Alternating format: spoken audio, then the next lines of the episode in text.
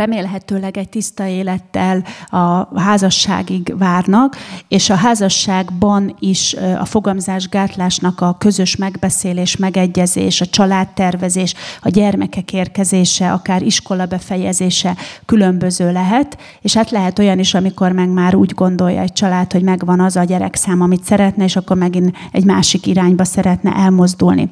Ugye itt, itt kell azt mérlegelni, hogy melyik az az életszakasz, amikor nagyon nem szeretnénk, hogy jöjjön a baba, és melyik az az életszakasz, amikor viszont nagyon szeretnénk. És én alapvetően nagyon megszoktam ijedni akkor, amikor keresztények azt mondják, hogy bármit csak nehogy teherbessek, mert hogy azt gondolom, hogy ez azért úgy egy kicsit elgondolkodtató megint arról a, abból az irányból, hogy azért a gyermek az áldás, és én azt gondolom, hogy van abba jogunk, hogy egy picikét ezt így szabályozzuk, irányítsuk, de ez amikor ilyen bármit csak nehogy összejöjjön, az mindig azért egy nagy kérdőjel az én fejembe. És hogy létezik-e tökéletes megoldás, én alapvetően azt gondolom, hogy mindegyik valamilyen szintű kompromisszummal jár, mindegyiknél kell egy picikét valamiről lemondani. Ugye az óvszert csak itt felírtam, meg a spermicid gélt, ott az intimitásnak a, a megszakadása. Ezek az eszközök, a mészájsapka és a pesszárium az lényegesen az együttlét előtt felhelyezhető, tehát ilyen szempontból ez egy kicsit komfortosabb. Viszont azt meg föl kell rakni, le kell venni. A tabletta ugye a szervezetünket károsítja, tehát egyébként a leges legjobb időszak az a szexualitásban, amikor valaki gyereket szeretne, és akkor teljesen szabadon, örömmel, várakozva, vágyakozva tud együtt lenni a pár. Úgyhogy talán az a legtökéletesebb megoldás. És akkor még két szót mondanék, mert azt véletlen felejtettem ki a spermicideket. Ezek ugye olyan anyagok, amit a hüvelybe kell felhelyezni, különböző kiszerelésbe kúp, tabletta, krém formájában lehetséges. Az a lényeg, hogy megöli a spermiumot. Magyarországon, ami legkönnyebben hozzáférhető gyógyszertárban recept nélkül az úgynevezett Pharmatex spermicid, amit nagyon fontos róla tudni, ha rákerestek az interneten, akkor tele lesz vele, hogy Pharmatex bébik ilyen topikokat fogtok találni, hogy mindenki terbe esett mellette. Ez azért szokott lenni, mert hogy a Pharmatex ha szappannal érintkezik, a benne lévő ö, szer lebomlik. Tehát ez ilyen nagyon furcsán hangzik, hogy az ember együttlét előtt ne fürödjön, de hogy, de hogy tényleg arra kell figyelni, hogy szappan maradék, tehát hogy tiszta vízzel lehet mosakodni, illetve sajnos Magyarországon nem, de külföldön van konkrétan olyan ö, tusfürdő, ami a Farmatex-el kompatibilis, és ö, itt szokták elrontani. Tehát a Farmatexnél ez a legfőbb gond. Ha valaki ezt az egy szabályt betartja, akkor egy egészen jól használható fogamzásgátló eszköz tud lenni. A gumiófszer szerintem az a leginkább ismert így a köztudatba. Ezzel kapcsolatban ami nagyon fontos, hogy vannak olyan hölgyek, akik latex érzékenyek, és ez soha sehol nem derül ki, csak is kizárólag úgy, hogy azzal a panasszal jönnek, hogy a szexuális együttlét után nagyon kellemetlen, diszkomfort érzés van a hüvelyükbe, ez akár égő, fájdalom, viszketés, ami csak egy pár óráig vagy egy fél napig tart, és utána megoldódik. Ha véletlen ilyet hallotok, vagy nektek ilyen problémátok lenne, akkor érdemes a latexmentes óvszert megkeresni és kipróbálni, mert sokszor ennyi megoldja a problémát és ezt a diszkomfort érzést. Értelemszerűen ilyen panasz egyébként férfiak részéről is lehet, csak ők nem hozzám szoktak fordulni.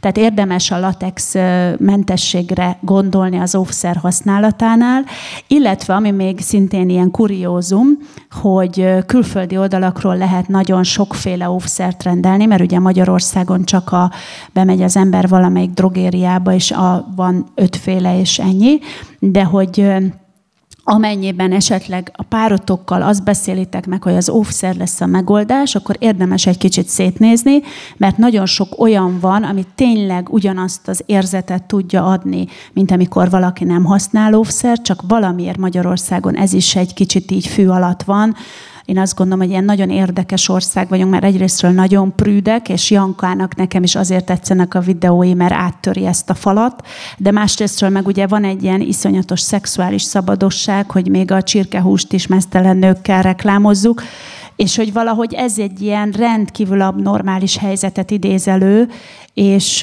egy picit én is buzdítalak arra benneteket, hogy a párotokkal ismerjetek erről beszélgetni, hozzám is nyugodtan oda jöhettek, hogyha ilyen jellegű kérdésetek van, mert, mert sajnos a tudatlanság az a sötétséggel egyenlő, és az sosem jó. Tehát, hogy az óvszernek van védőhatása a betegségek ellen is, részben igen. Tehát, hogy nem százszázalékosan véd semmilyen nemi betegségtől az óvszer, ezt azért megint csak fontos kihangsúlyozni, mert sokan azt gondolják, hogy, hogy igen, de hogy nem. Uh-huh. Csökkenti egy kicsit a megbetegedés valószínűségét, de, de egy csomó nemi betegségnek a kinna szemérem testen is van már jele, tehát nem csak a pénisz végén vagy a hüvelyben, hanem a szemérem dombon, a gát részén, és azok ugyanúgy érintkeznek azok a területek egy óvszeres szexualitás esetén is, és attól nem, tehát emiatt nem véd tőle. Azt, azt mondják, hogy 40 éves kor fölött minden évbe feleződik a teherbeesés valószínűsége. Na most ugye matematikailag sose éri el a nullát, hogyan feleződik. Tehát, hogy ez egy nehéz kérdés, és nehéz ebbe bölcsnek lenni, hogy tényleg ott az együttlét, amikor már ilyen szempontból lehetne teljesen felhőtlen, hogy mikor vál, merje ezt bevállalni az ember. És, és ugye mindezt úgy, hogy azt is belekalkulálva, hogy a nem, nem védett együttlétekből ugyanúgy lehet gyermek, és akkor mit kezd ezzel az állapottal mondjuk egy 47 éves hölgy. Sajnos a spontán vetélés bármikor megtörténhet, vagy inkább azt mondanám, hogy a méhen belüli elvesztése a magzatnak vagy a kisbabának. Alapvetően az első 12 hét a leg, legveszélyeztetettebb időszak, tehát a vetélések 95%-a az első 12 hétben történik, de sajnos később is lehet ilyen. azt gondolom, hogy nagyon font, tényleg nagyon fontosnak tartom azt, hogy azt, azt így, az én előadásomnak ez a hazavívendő üzenete, hogy ne ítélkezzetek rajtuk. Tehát, hogy tényleg ne. Tehát hallgassd meg, és sokszor egyébként nagyon érdekes, hogy sem, tehát csak annyit megkérdezed, hogy de miért döntött így? És kinyitsz egy szelepet, és másfél órán keresztül hallgathatod, és akkor semmit nem kell csinálnod, és lehet, hogy neki ennyi kellett, és lehet, hogy már ez egy olyan irányba mozdítja el az ő gondolat világát, hogy mégis megtartja azt a kisbabát. Tehát vélemény semmiképpen. Az, hogyha te egy kórházba dolgozol akármilyen szerepkörbe, és és ott összefutsz olyan hölgyekkel, akik terhesség megszakításban ra várnak, és erre adódik alkalom, akkor persze menj oda és beszélges vele, és kérdezd meg, hogy miért jött, tudsz-e valamibe segíteni, van-e kedve beszélgetni, van-e kedve esetleg elmondani, hogy mi a bánata, mi a problémája, szívesen meghallgatod, hogyha van erre időd, de tényleg csak akkor állj ennek neki, mert, mert az a legrosszabb, hogyha így kinyitod a szelepet, és jaj, bocsánat, de most már nekem mennem kell, tehát hogy ez nem fér bele bele lelkileg abba, hogyha te ezzel elkezdesz így foglalkozni. Esetleg, ha ahhoz van kedvetek, egyébként nagyon-nagyon-nagyon tanúságos tud lenni mondjuk egy kórházba bekéreckedni direkt ezzel a céllal, hogy ti így egy picit szeretnétek ezeket a hölgyeket segíteni, megengedik-e, és hihetetlen történeteket fogtok hallani, mert hogy, mert hogy nagyon gyakori az, hogy valaki a, a harmadik gyereke után veteti el a negyediket, a második után a harmadikat, azért most, mert, mert most gyakorlatilag inkább nyaralni megy, tehát hogy ilyen extrém történetek, amely egy picit nyilván rávilágítást ad, de csak akkor menj erre, ha tudsz nem ítélkezni.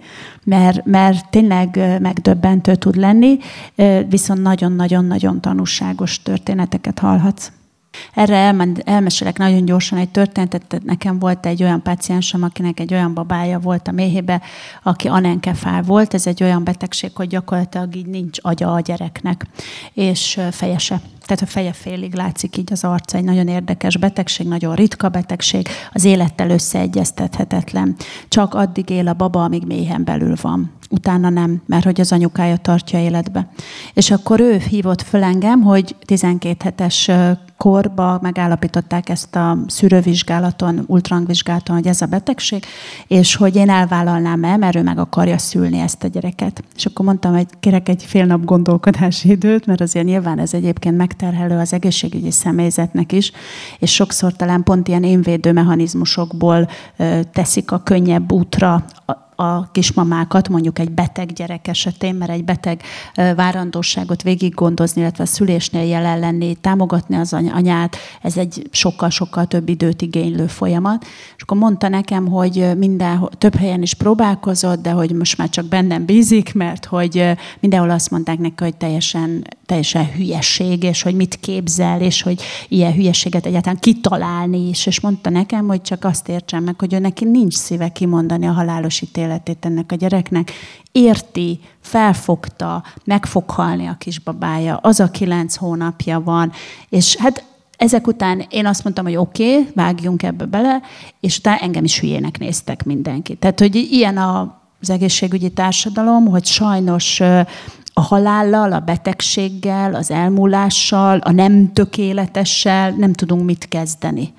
És hogy én nagyon, nagyon bírtam ebbe a kismamába, hogy ő ezt felvállalta, egyébként nem is volt hívő, és, és nagyon, nagyon, nagyon sokat tanultam ebből az egész folyamatból, de hogy sajnos ez egy korszellem. Ezzel így, így megint csak egyénileg lehet változtatni, de, de így globálisan nem hiszem. Meg egyébként nagyon nehéz is. Tehát én, én, én például mindig úgy szoktam, hogyha egy olyan helyzetben vagyok, ahol lehet, hogy ez a válasz, hogy nem akarom megtartani, akkor is azt szoktam mondani, hogy ugye örülünk ennek a hírnek, mert ugye valahogy meg kell kérdezni, hogy merre tered.